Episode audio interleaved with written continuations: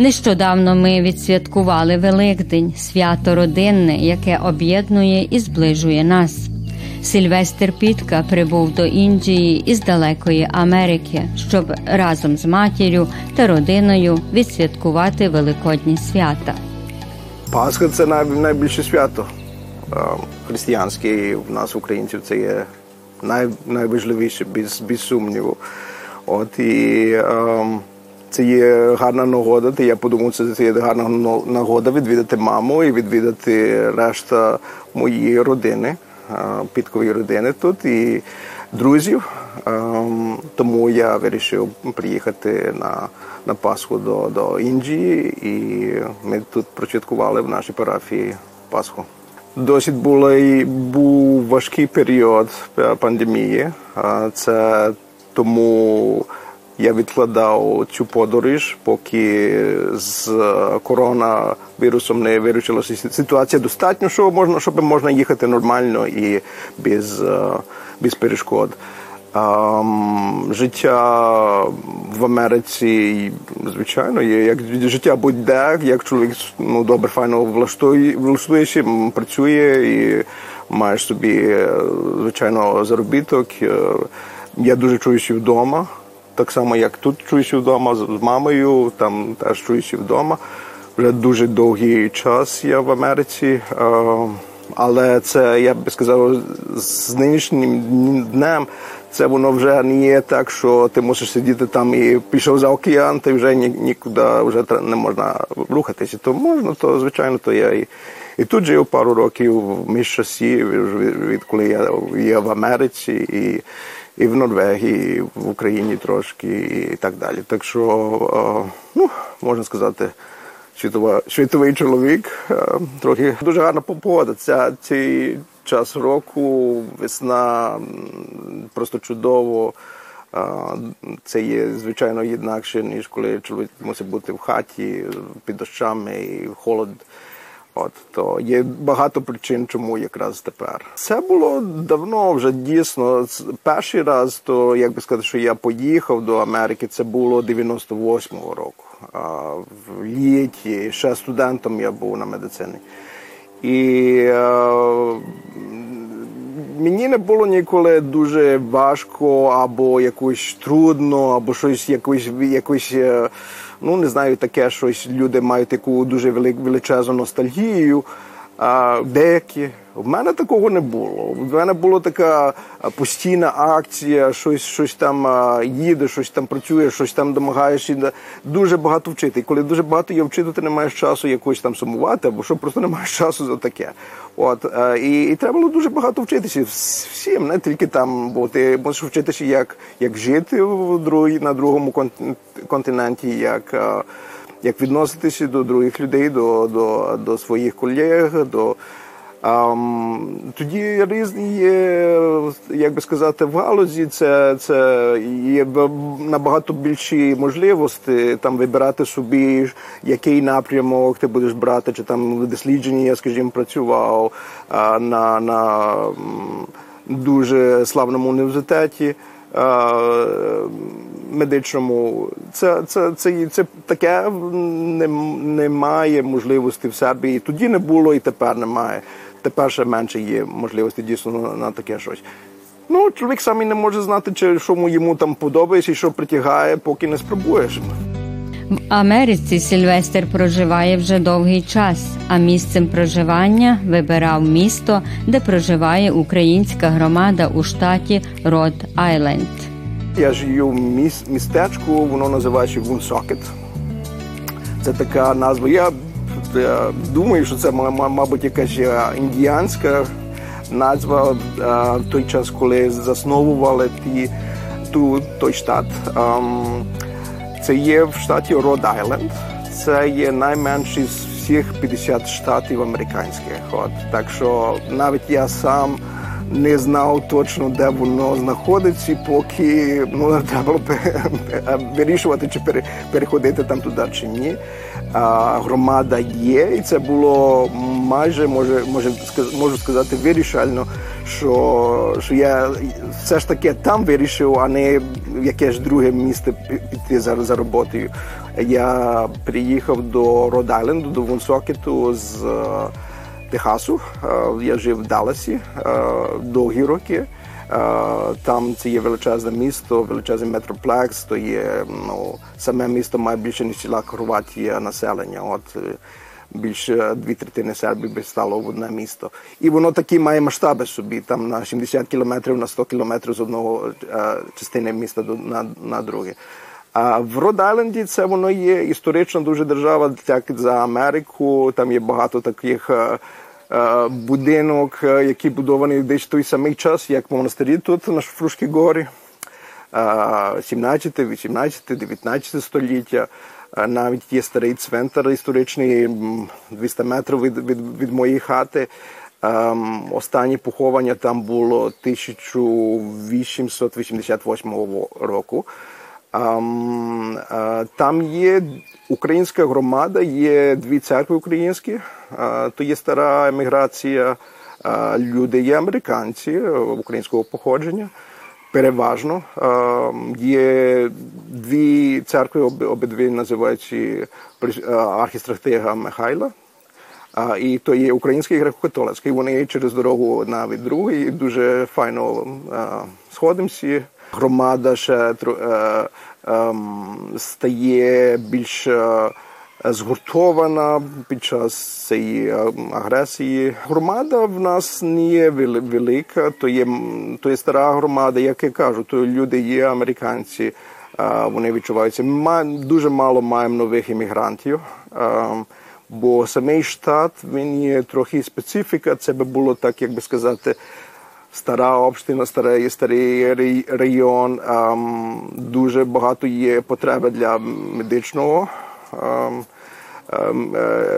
лікарів і для медсестер, і для нерсів. Через те, що є просто люди, старі люди. Коли є старі люди, вони потребують багато опіки медичної. Um, тому, ну як би сказати, лікарі доходять. Ми маємо на нашій парафії, я думаю, 13 лікарів. В пензії деякі вже померли, то колись було, от, але але зараз то є. Але дуже мало, я думаю, що може 10 других людей можна на, на, назбирати. Так що воно трохи є такий дисбаланс. Ем, треба мати. Ну, Краще, коли коли є велика громада, сильна громада, коли є багато людей, котрі ем, з України точно. Бо ця громада є американською, люди народжені в Америці. А, от. Ну, Якщо хтось попадає на береги Род-Айленда, то є е, дуже файний штат е, на самому. Вони є, як би сказати, ем, називають е, океанським штатом, через те, що то є дуже роз, розгалужена ем, узбережжя Атлантського океану, і саме затока називається Narragansett Bay. Українська громада у Вунсокету об'єднана навколо церкви, і саме церква у молитві за Україну об'єднала українську громаду у ці сумні часи. Для мене не була несподіванка. Це не війна йде вже 8 років. Деякі люди говорили так, е, ну аналітики. Я люблю аналізувати ситуацію, дивитися, що і як. Ем, розповідали, що має бути одної дати, там не знаю, 13-го, воно там вони е, промашили по-нашому, як кажуть, десь 8 е, днів або що, і воно е, точно і прийшло. Так що це було ну, це було дуже неприємно, дуже стресно для мене особисто.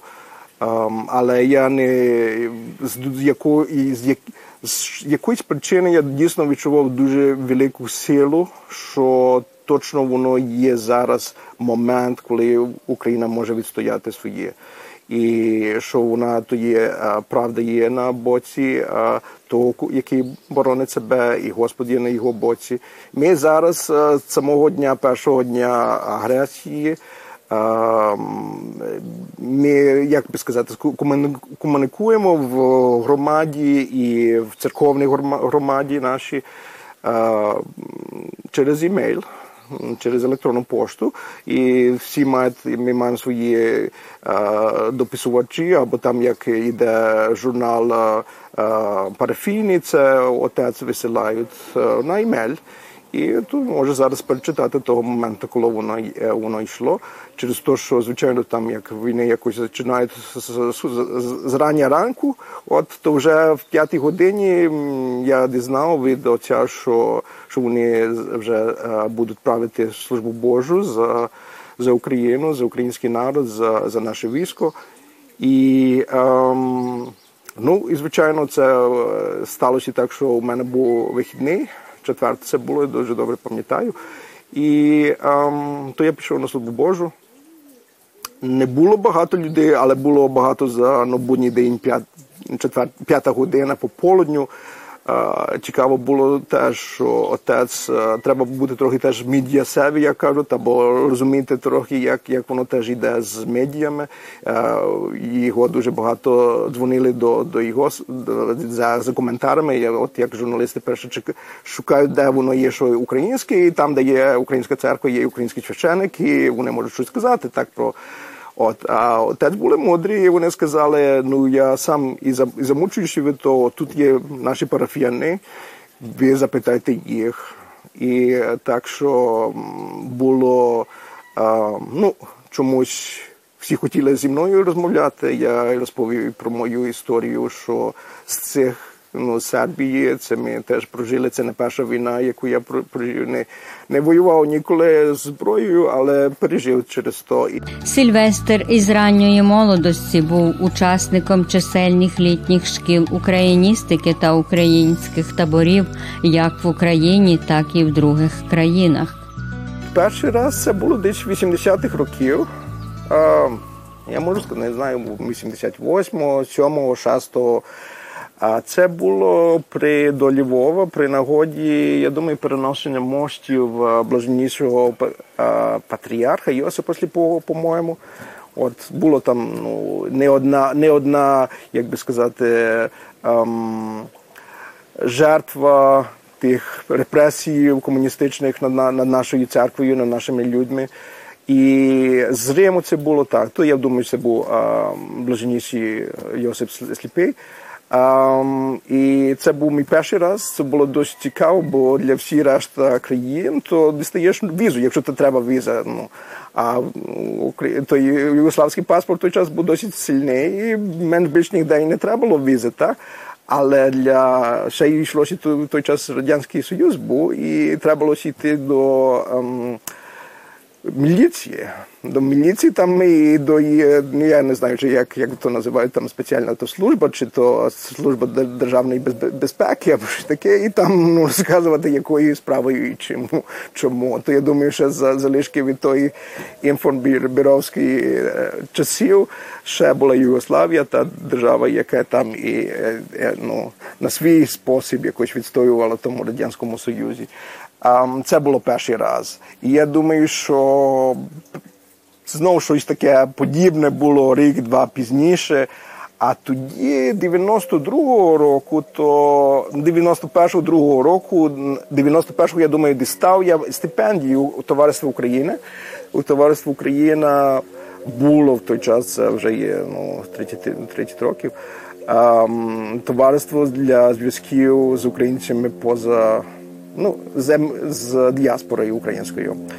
І ем, то я дістав стипендію на на дві. Це було дві програми. Одна була Міжнародна школа україністики в Києві, ем, а друга була студії, регулярні студії, і я подав на медицину, так як само в той самий час і в Белграді, в Сербії, вдома. І теж дістав ну, дві дві, дві стипендії. От і це від Сербії, і то і від ну, ну, Югославія ще була Федеративна Югославія і а, від України.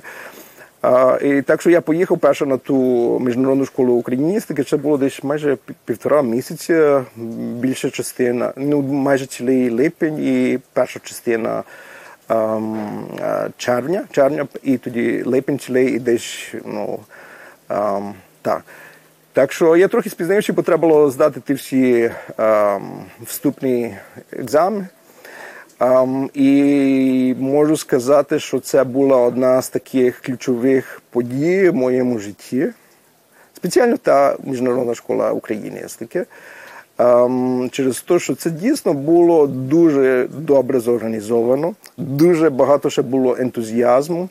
Все було нове, люди дуже сприймали це по душі, дуже файно ми мали забави. Для молодих було дуже файно, дуже серйозно вчилися, викладачі були дуже ем, якісні.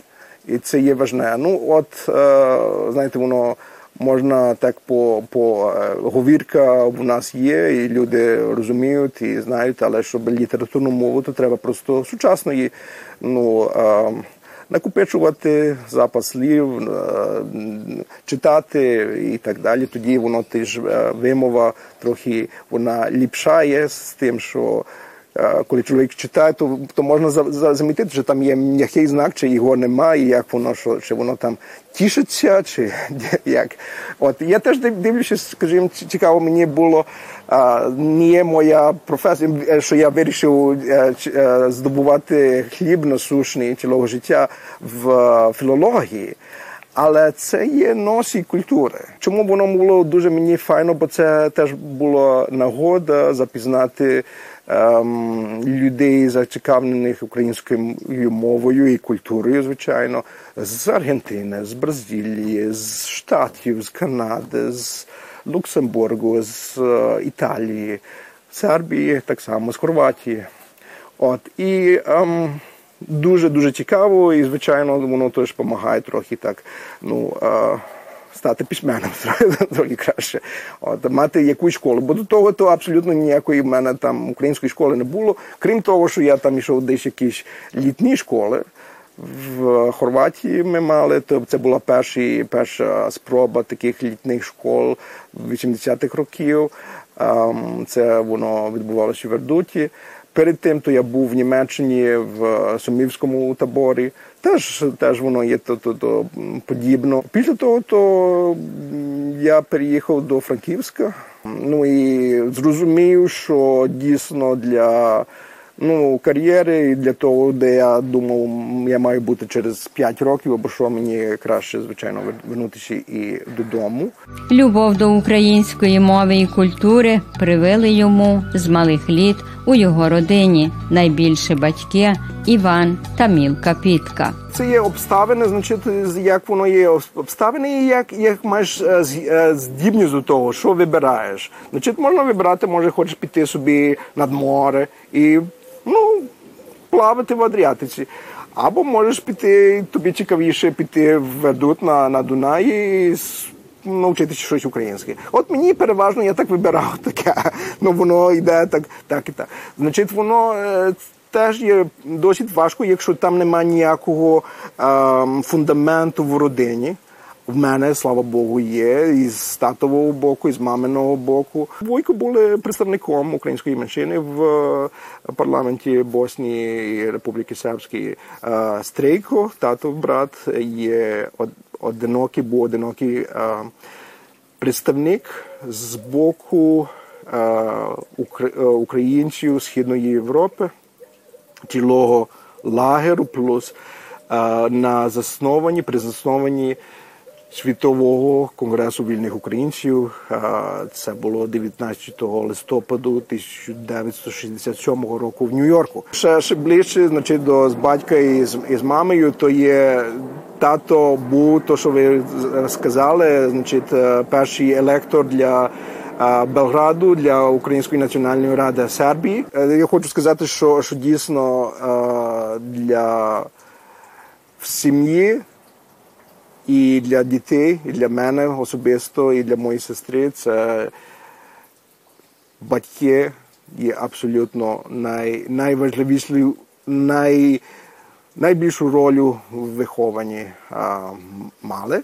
І теж а, тато, що я кажу, був а, першим лектором для Белграду Української національної ради, але це він нічого би не не успів досягнути без нашої мами. І так і спеціально як українські жінки, і вони є стопові, і без без них то абсолютно нічого би не, не пройшло. Але мама, так як би сказати, круто тримає по-українськи, як українки тримають, і ми, я її дуже люблю через то, і, і через і другі а, а, є. А, Файні риси її характеру. Дуже характерна жінка і дуже маю щастя мати її в житті, і щоб, щоб вона є моя мама. Тут тут вона це цілий город, і це я, скажімо, від неї наслідив а, любов до до різних а, квітів. Я, скажімо, в Америці маю понад 100 різних типів квітів. Сільвестр багато подорожує, а в основному його життя пов'язано із чотирма країнами, але Україна є завжди у його серці. Сербія, звичайно, це воно є. Я я так е, часом, якщо люди мене хочуть запізнати і і цікавляться, і питають, як воно є. Ну я кажу, я я є серб по народженні, і тут виріс, і це від того, то є просто то є я, то є моя мама, значить, як як держава. Ем, то, що я вибрав то є Америка, звичайно. То я я там, ну якби я хотів залишитися тут або десь жити в Франції, я би поїхав до Франції, я б поїхав до Америки. Це є величезна держава, дуже різноманітна, дуже великі є можливості і е, передова країна у світі. Щодо е, Боснії. Ну і це просто є одна з, е, ну як би сказати, сторінок житті. І там чи два роки, чи три роки, чи чи є з я дуже любив як е, відвідувати баб. Бабу з дідом і свою е, родину там в Боснії. Це дуже мені тепло, але це просто є країна, ну як, яка має дуже багато проблемів. Одна третина значить була би uh, Сербія, одна третина була Америка. А та фундаментальна то є, що є в ДНК, знаєте, то є в генетичному матеріалі, це є українське. І то українське, воно воно його треба дуже плекати, бо це є дуже най, найбільш а, чутлива частина. Бо то, якщо ти занедбаєш трошки, то вона вона пропаде, бо вона не має е, свого природи. Це, є така квітка, яка є не штучна квітка, а така, яку треба доглядати, а не польова. От. І це це є то. А тих 10% я можу додати, де треба. Теж жив в Норвегії, мені дуже подобалось, і мені це я є е, стипендистом, е, королівським стипендистом е, е, уряду Норвегії. Це було 2002 року. Я теж дістав дуже престижну нагороду, і це було включено з. Ну, теж були дві програми, не буду вже в ті всі там деталі йти на того, але це мені дуже подобається країна. Ем, Є дуже багато. Я е, я би сказав, що що може на четвертому місяці є Німеччина, через те, що ми маємо дуже велику родину в Німеччині, і це є культурно і ем, ну, економічно, і з других боків просто не не обмінна держава в цім регіоні. Я можу сказати, що, що чому я не відчуваю знаєте, такої ностальгію за за ніде. Бо я маю все в собі. Коли ти маєш у своїй душі, коли ти маєш в мозку, коли ти маєш своїх руках, ти ем, чоловік, я не є прив'язаний до такого матеріального. Ну, воно є важливе, щоб мати фундамент, щоб чоловік не мусив е, ну, виживати, а просто а, Але коли ти маєш в собі, знаєте, то воно можна дуже багато вивчати українську в Америці, і там є теж е, ну, сам з собою, або навіть тут у Сербії.